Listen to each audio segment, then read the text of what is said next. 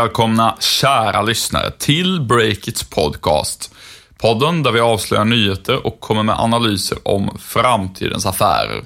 Jag heter Olle Aronsson och är medgrundare till nyhetssajten Breakit. Och det är också Stefan Lundell som sitter mitt emot. Ja, här sitter jag och myser på andra sidan bordet inför ytterligare en eh, poddinspelning som såklart är välmatat med mycket nyheter. Vad är det vi ska bjuda på idag, Olle?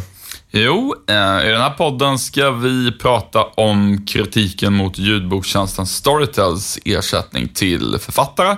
Vi pratar om ekonomin kring YouTube-fenomenet Jockiboi och så ska vi försöka spå vilka startups som IKEA kan tänkas köpa härnäst. Så är det, men innan vi kör igång med detta så drar vi vårt numera legendariska nyhetssvep. Fem snabba från veckan som gått. Och eh, jag börjar med att rapportera om att den tyska matkassejätten HelloFresh med den svenska entreprenören och investeraren Jessica Schultz som en av medgrundarna. De närmar sig nu en börsnotering, HelloFresh. Bolaget siktar på att ta in mellan 2,5 till 3 miljarder kronor. Och så har Investor nu sålt alla sina aktier i ögonstyrningsbolaget Tobii. Eh, familjen Wallenbergs maktbolag Investor, de ägde ju över 10% av bolaget för ett år sedan, men nu har de successivt sålt av och är alltså helt ute som ägare. Amazon ska starta apotek. Enligt den amerikanska nyhetstjänsten CNBC så kommer näthandelsjätten fatta beslut om att sälja receptbelagda mediciner inom några veckor, lagom till eh, Thanksgiving, tror jag. Mm, och det kinesiska e-handelsbolaget Alibaba planerar att investera 15 miljarder dollar motsvarande 121 miljarder kronor i forskning och utveckling under de närmaste tre åren. Eh, det innebär en dubbling jämfört med det tidigare årliga genomsnittet. Det skriver Tech in Asia. Möbeljätten, vår svenska, IKEA ligger efter på nätet. Det erkänner deras VD Jesper Brodin i en stor och intressant intervju med Financial Times här i veckan. Och Det är också en anledning till att IKEA nyligen köpte TaskRabbit och nu flaggar även Jesper Brodin för fler köp av startups för att komma ikapp eh, på det digitala området. Det där ska vi snacka mer om i podden om en liten stund. Häng med!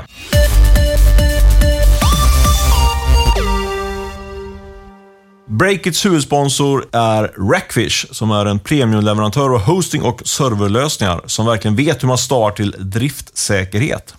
Yes, och vad gäller just driftsäkerhet så pratar grundaren Johan Olde gärna om hur många som hör av sig till Rackfish efter att någonting har hänt. Eh, man har kanske lagt massa pengar på att göra en kampanj, eh, bygga en sajt och köpa marknadsföring för att driva trafik dit. Men man har sparat på budgeten för eh, själva leveransen. Japp, och då kan det bli väldigt jobbigt när sajten viker sig vid fel tillfälle när man väntar som mest besök. Och givetvis händer sånt aldrig heller klockan 11 en tisdag förmiddag när kontoret är fullt med folk, utan vid sämsta möjliga tidpunkt. Och då är det bättre att kontakta Rackfish innan någonting händer, snarare än efteråt, som alltså många gör. Eh, och kontakta dem innan, det gör ni genom att mejla Johan Olde på johan.rackfish.com. Tack Rackfish för att ni fortsätter att sponsra podden. Nu ska vi äntligen prata om ett av våra största mediefenomen just nu. Joakim Lundell, eller Jockiboi som han är mer känd som. Han är nästan lika känd som du, Stefan Lundell nu. Ja, det är väl en grov överdrift åt fel håll så att säga. Jockiboi är, eller som han nu då heter, Joakim Lundell. Han gillar ju inte att kallas för sitt eh, smeknamn Jockiboi längre. Han har ju begravt det varumärket. Eh, han är ju som du sa en eh, riktigt tung makthavare nu här på, på eh, sociala medier framförallt. Han ger ut sin självbiografi i dagarna som faktiskt har förbeställts mer än Zlatan-biografin, vilket är väldigt imponerande bara att säga. Och han har ju valsat runt i de stora medierna och han har även gjort en väldigt intressant intervju tycker jag på Breakit här som vi la ut precis, eh, som fokuserar mer på affären bakom kan man säga, eh, det här fenomenet som man ändå får kalla det. Han kör ju Sveriges största YouTube-kanal eh, efter Pewdiepie. Eh, nu har han satt den på hold tillsammans med sin eh, fru Jonna där, men han har ju fortfarande då 800 000 följare på Instagram, ett jättestort Facebook-konto och så vidare och så vidare och är också den mest strömmande artisten på Spotify för närvarande. Just det. Ja, det är imponerande får man säga. Trots det här otroliga genomslaget så har han ju inte Eh, vilket jag eh, reagerar på när jag läste honom. lyckats kapitalisera så mycket än på sitt eh, kändisskap. Nej, men precis. Och det är det som eh, jag tänkte titta lite närmare på här. Eh, vi är ju, eller jag är ju en, cyniker som tittar på pengarna mer än eh, något annat som ekonomireporter. Men alltså, det går ju helt okej, okay, för det är inte så att, att, det, att han hankar sig fram. Han omsätter väl sådär en eh, 2-3 miljoner förra året eh, på, på sina kanaler. Men det måste man ändå säga är kaffepengar jämfört med eh, i jämförelse med till exempel en sån som Therese Lindgren som drog in ungefär 10 miljoner förra året och framförallt om man jämför med Eh, giganter som Isabella Löwengrip som omsätter ungefär 100 miljoner och kanske ännu mer relevant om man tittar på stora mediekanaler som omsätter ja, miljarder, eh, faktiskt svenska eh, mediekanaler. Om man tittar på liksom räckvidden då som, som Joakim Lundell har i sina kanaler jämfört med till exempel en aktör som Expressen eller varför inte Breakit. Just det. Eh, så att han når ut till jättemånga, har ett jättestort varumärke, lyckas inte skapa så mycket intäkter på det än. Vad är det han gör fel? Ja, men, den korta versionen är väl att han har, eh, om man får säga så, fel målgrupp. Han har ju väldigt unga eh, fans som följer honom, barn eh, faktiskt. Även om han i vår intervju påpekar att eh, det faktiskt är ganska många äldre som lyssnar på honom också. Eh, men det är i alla fall den bilden jag pratar med eh, folk eh, som, som investerar i den här typen av marknadsföring. Så, så det är deras huvudinvändning det är att de är för små helt enkelt. Det är, det är barn och de vill man inte, det är förbjudet till och med att marknadsföra sig mot barn. Även om det inte har hindrat många YouTube-stjärnor ska vi säga, från att göra marknadsföring ändå. Nej, men precis. Men det, men det gallrar bort väldigt många potentiella annonsörer. Eh, och sen en annan orsak är ju också att han inte vill eh, sälja sig för mycket. Eh, I vår intervju så säger, säger Joakim där att han vill inte bli en vandrande reklampelare. Om, jämför då med, med andra influencers som har kanske ett par, tre eh, kommersiella budskap eh, i veckan åtminstone. Eh, Medan han då eh, är väldigt mycket mer restriktiv med det där och säger att han tackar nej till ganska mycket. Men i vår intervju så avslöjar han också att han kommer omsätta ungefär, eller dryga 10 miljoner kronor i år faktiskt. Så han har en bra tillväxt. Men samtidigt så, så påpekar ju han att det är ju framförallt inte då från YouTube, där han är väldigt stor. Den kanalen har ju stängt ner nu, så det är inte så konstigt att det inte kommer några pengar därifrån. Men, eh, men eh, det är liksom inte från eh, nya digitala kanaler som de stora pengarna kommer, utan det är väl egentligen den här eh, boken som kommer generera mest pengar för honom. Utan om man tittar på de här 10 miljonerna så kan man räkna bakvägen lite grann och se att eh, han kommer att dra in sådär en 4, 5, kanske 6 miljoner i, i royaltyintäkter från boken. Det är lite paradoxalt kan man tycka, eh, att, att det är liksom den gamla, den gamla gamla tidens eh, medier som, som genererar de stora pengarna för en sån här stor eh, stjärna i digitala medier. Ja, verkligen. Det där med att det är svårt att tjäna pengar på bara YouTube är något som jag tycker är väldigt intressant och som man återkommande hör om, tycker jag. Jag lyssnade på eh, techjournalisten Peter Kafkas utmärkta podd som heter Recode Media. Eh, och då hade han med Patreons VD Jack Conti. Um, och Conti han har en bakgrund som musiker och YouTuber och eh, han beskrev själv att anledningen till att han startade Patreon, det var att han hade eh, en miljon visningar en viss månad och jättebra innehåll och sen så, så fick han liksom eh, pengarna från YouTube och Eh, då var det typ en tusenlapp han fick den månaden därifrån. Och han blev så förbannad och nedslagen över det, så han tänkte att det, det, kan inte vara så här att jag har så här stor publik och ändå får så lite intäkter. Eh, och Patreon då, som han har grundat, det är en tjänst som låter eh, vem som helst ge en valfri summa till en kreatör man gillar, eh, lite som en gammaldags mecenat. Eh, och de har ju fått ett gäng tunga riskkapitalister i USA i ryggen och väntas betala ut eh, 150 miljoner dollar till sina kreatörer eh, bara i år faktiskt. De tar 5% av det, det är deras affärsmodell.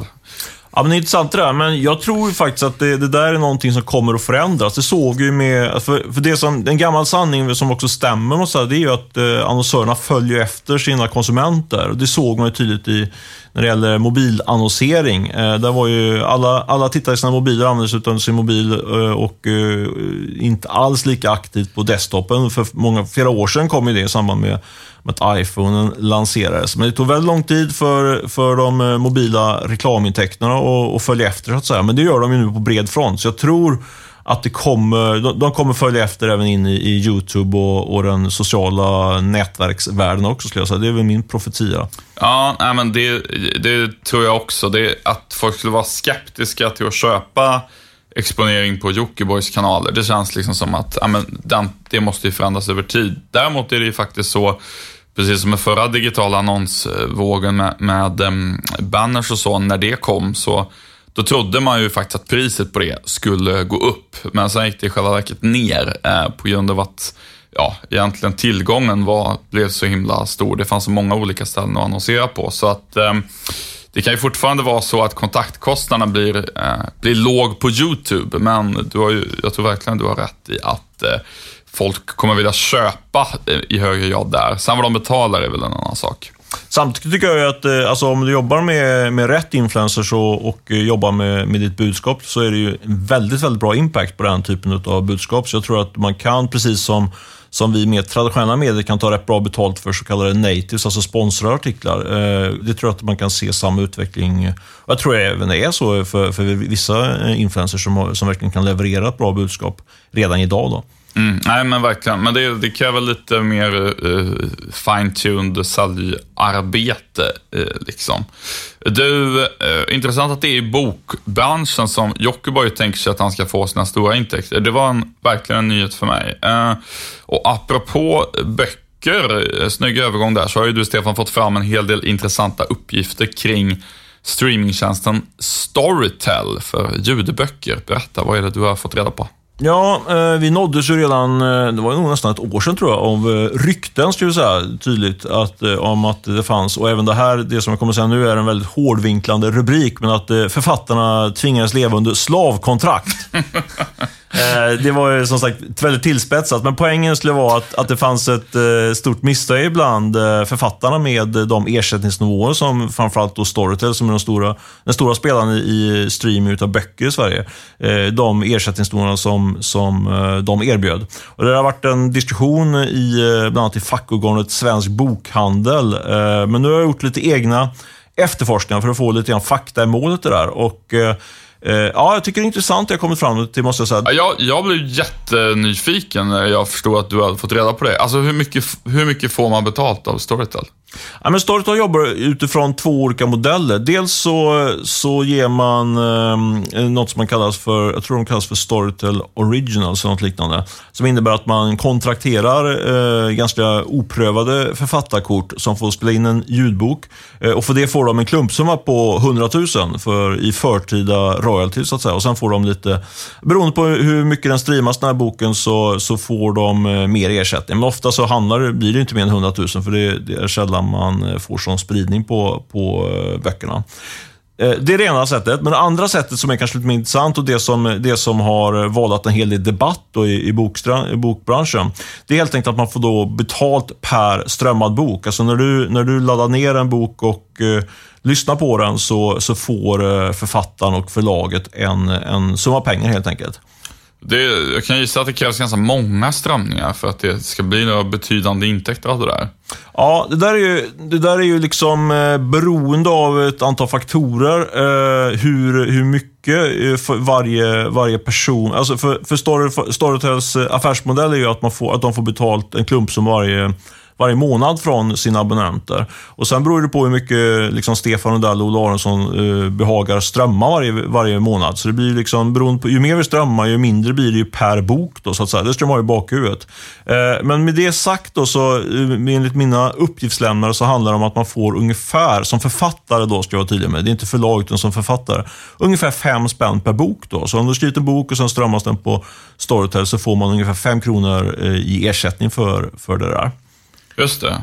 Jag eh, ska villigt ta erkänna att jag inte har en aning om eh, hur det förhåller sig till vad man får på den gamla hedliga bokmarknaden. Ja, men det där är ungefär vad du får om du säljer en pocketbok i handeln. Alltså om du som författare säljer en pocketbok i den traditionella eh, bokhandeln eller på, på nätet. Då, då får du ungefär en femma per bok. Så det är ju...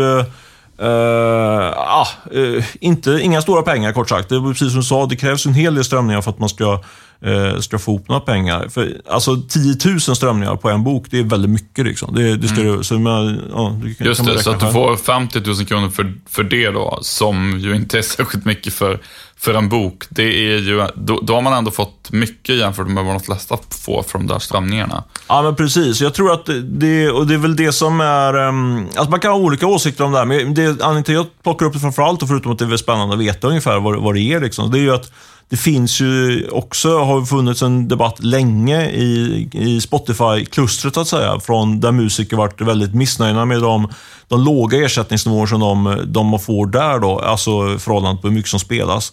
Man kan ju debattera om det är lågt eller inte, men eh, vad jag förstår så man, man får typ 50 000 spänn, då, 50 000 kronor, om man, en låt strömmas en miljon gånger. Mm. Eh, och det, det är ju inte alla, alla artister som lyckas strömma så många gånger. Eh, så det där är, jag tycker det är intressant. Jag tror att det kan, eh, kan få vissa konsekvenser det här, den modellen som eh, ändå Storytel har valt.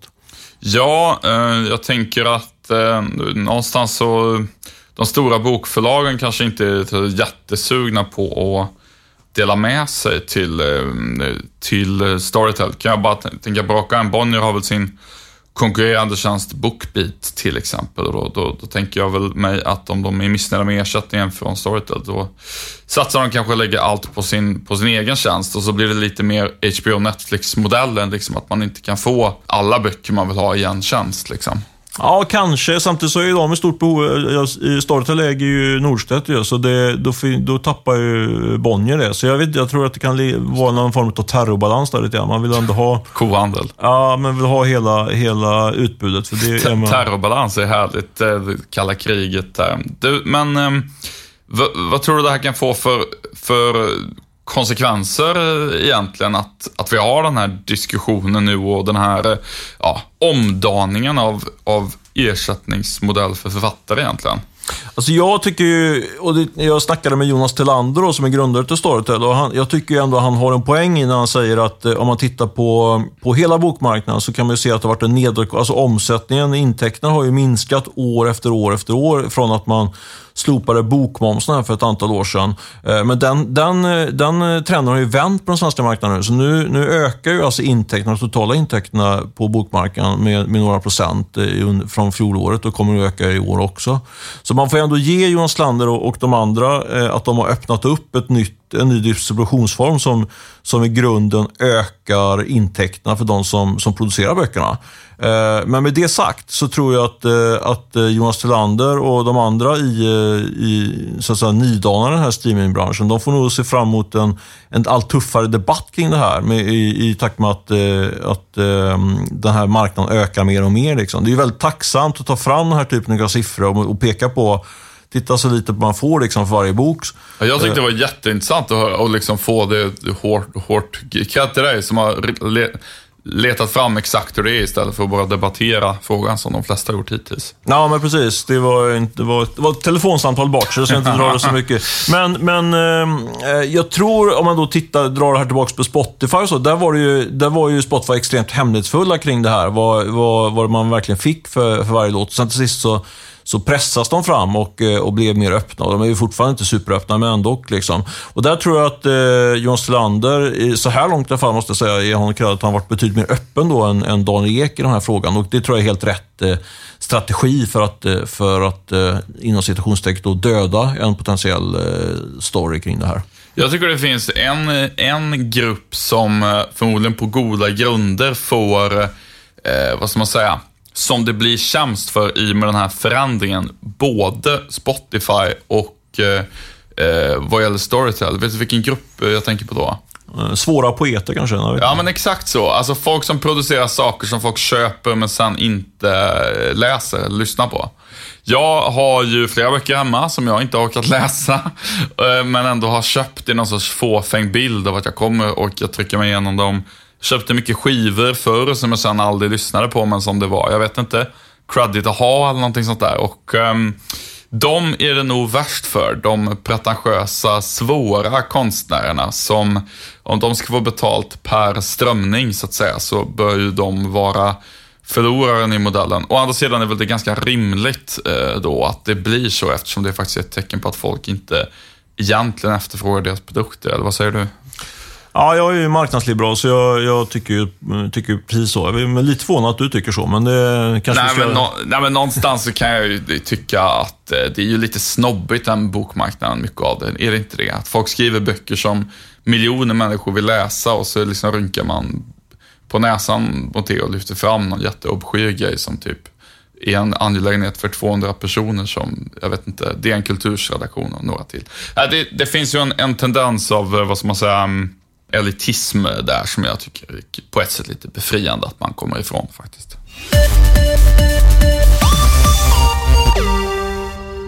Vi är mycket glada över att få tillbaka Collector Bank som sponsor av vår podd, eller hur Olle? Mm, verkligen. Eh, och som ni kanske vet siktar Collector Bank in sig särskilt på B2B i handeln, alltså företag som säljer till andra företag. Därför vill de såklart veta vilka utmaningar och hinder som de svenska B2B e-handlarna står inför i den raskt pågående utvecklingen online. Och för att få en verklig bild av det så har Collector Bank tillsammans med Handelns utredningsinstitut gjort läxan och intervjuat relevanta företag. Ja, och resultatet kommer presenteras i en rapport i november. Men vill du ha några smakprov på trender och analyser så kommer faktiskt Collectors Magnus Lenngren och Andreas Fritz att ge några små eh, exempel på detta på Breakers event Retail Tech den 24 oktober på Fotografiska museet här i Stockholm, huvudstaden. Mm, och vill du veta mer om Collector Banks lösning för B2B e-handel, gå in på collector.se och spana in Collector B2B Payments. Yes, då ska vi prata lite grann om möbeljätten IKEA. Ingvar Kamprads skötebarn. Han, eh, har ju, han är ju inte superdigital verkar det inte som, Ingvar Kamprad. Och eh, deras VD eh, flaggade ju här, som vi sa tidigare i podden, att man har vaknat lite sent eh, just när det gäller på den digitala sidan. Hittills har ju deras modell framförallt byggt på att man åker till deras stora varuhus utanför staden och själv köper möblerna och sen monterar ihop dem. Men eh, nu börjar det hända grejer, eller hur Olle? Ja, det känns verkligen som att IKEA har bestämt sig för att eh, nu ska vi stöpa om bolaget. Eh, bara de senaste månaderna så har de ju kommit med en lång rad besked. De köpte TaskRabbit som ju har 60 000 frilansare kopplade till sig. Eh, Frilansare som till exempel kan hjälpa folk med att skruva ihop möbler. Eh, De har eh, eh lanserat en tekniklösning som ska göra att man ska slippa skruva ihop möbler. De ska gå och trycka ihop med ett enda klick, lite förenklat. Eh, AR-lösning ihop med Apple, startup-inkubator i Älmhult, underbart för övrigt. Eh, och eh, sen har de ju lanserat en stor satsning på elfordon och eh, ja, du hörde en lång rad grejer. Men eh, framförallt så pratade ju vdn i tisdags med eh, Financial Times och sa att eh, vi på IKEA, vi ligger efter på nätet och därför kommer vi göra fler förvärv av eh, vad man kan förmoda är tech och internetbolag. Fler i linje med, med TaskRabbit. Mm, och eftersom jag älskar det här med affärer så tände jag såklart till på det sistnämnda, att de flaggar för nya förvärv. Eh, Och vi tänkte ju, eller du Olle, tänkte spekulera lite grann i vad, vad IKEA kan tänkas förvärva härnäst i den här sektorn. Vad, vad har du hittat i din spåkula? Ja, jag har eh, läst på kring det där och eh, det man kommer fram till är framförallt att det känns rätt osannolikt att IKEA skulle förvärva andra handlare inom möbler. Vid en första anblick kan man ju tänka, ja, de köper väl något e-handelsbolag, alltså om de hade köpt Furniture Box eller något sånt där.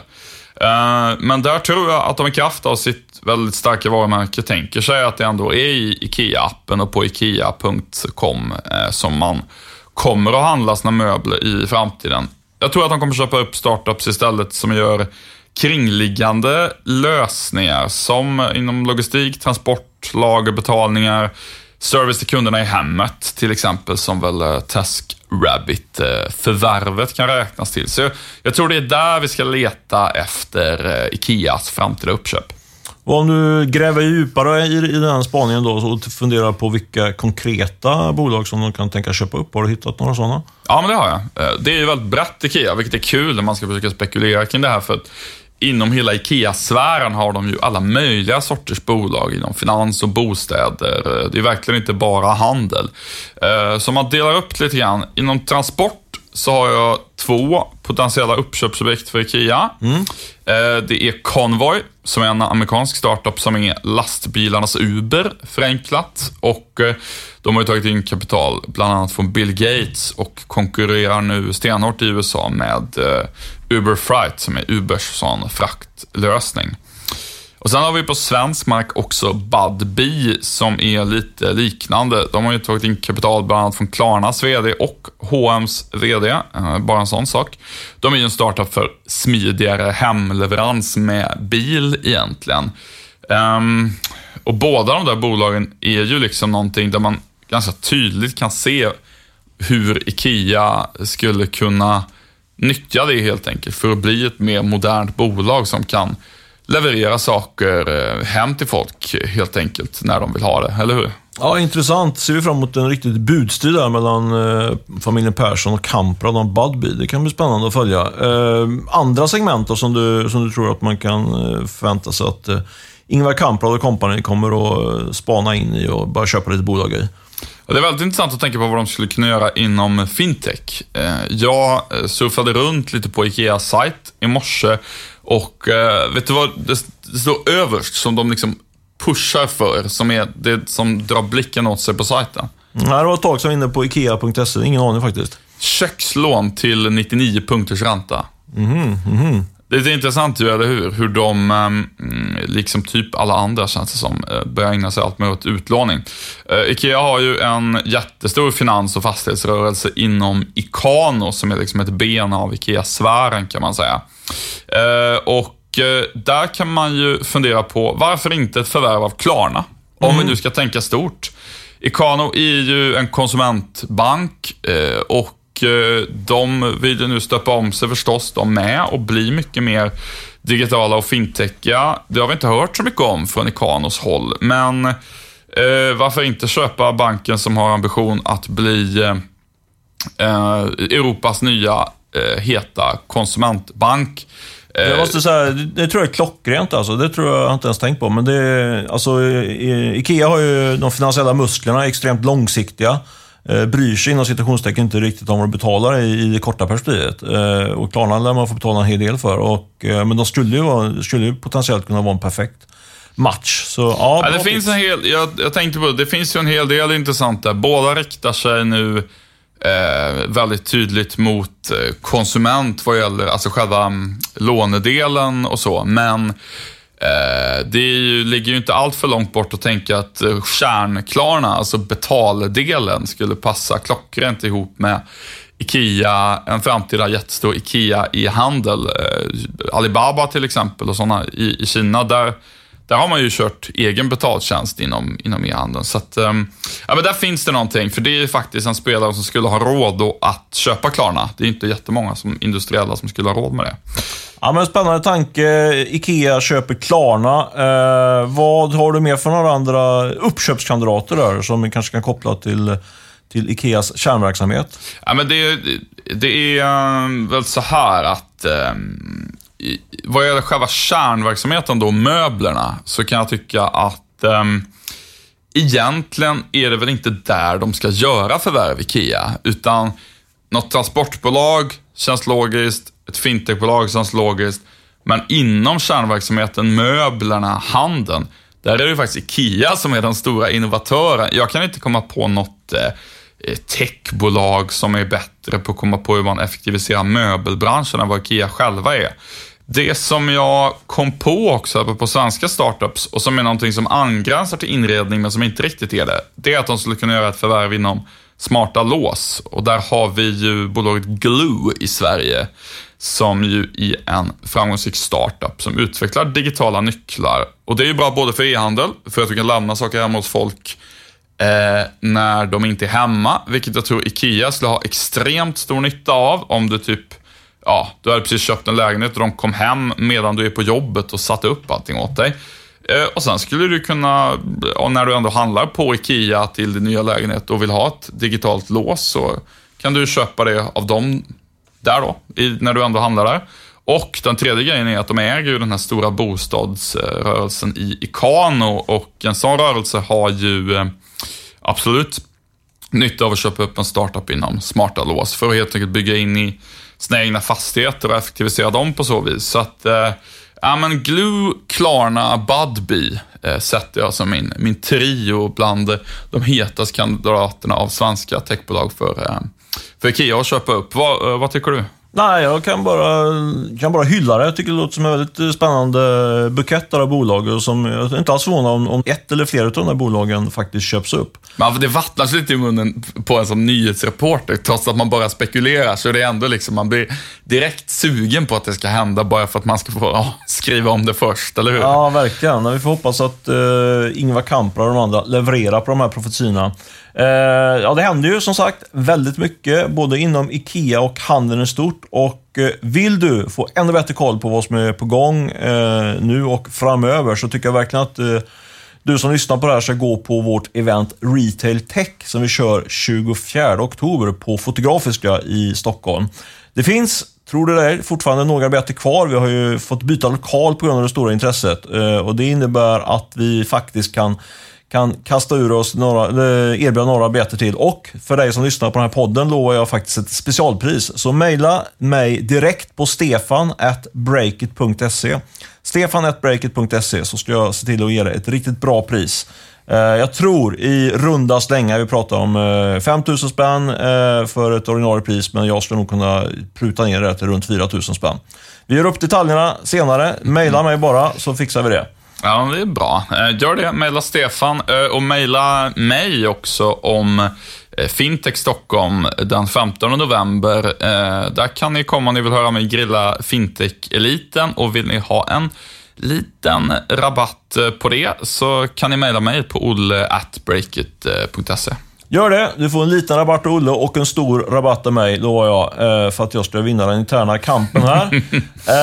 eh, dags att runda av, Olle. Vi tackar Beppo ljudproduktion som eh, ser till att klippa de här, de här avsnitten på ett föredömligt sätt. Och vi tackar Start Rackfish som är vår huvudsponsor. Någonting annat att tillägga innan vi stänger ner, Olle? Nej, utan ta hand om er i slutet av veckan och helgen så hörs vi i, om sju dagar ungefär. Hej då och ha det gott. Hej hej.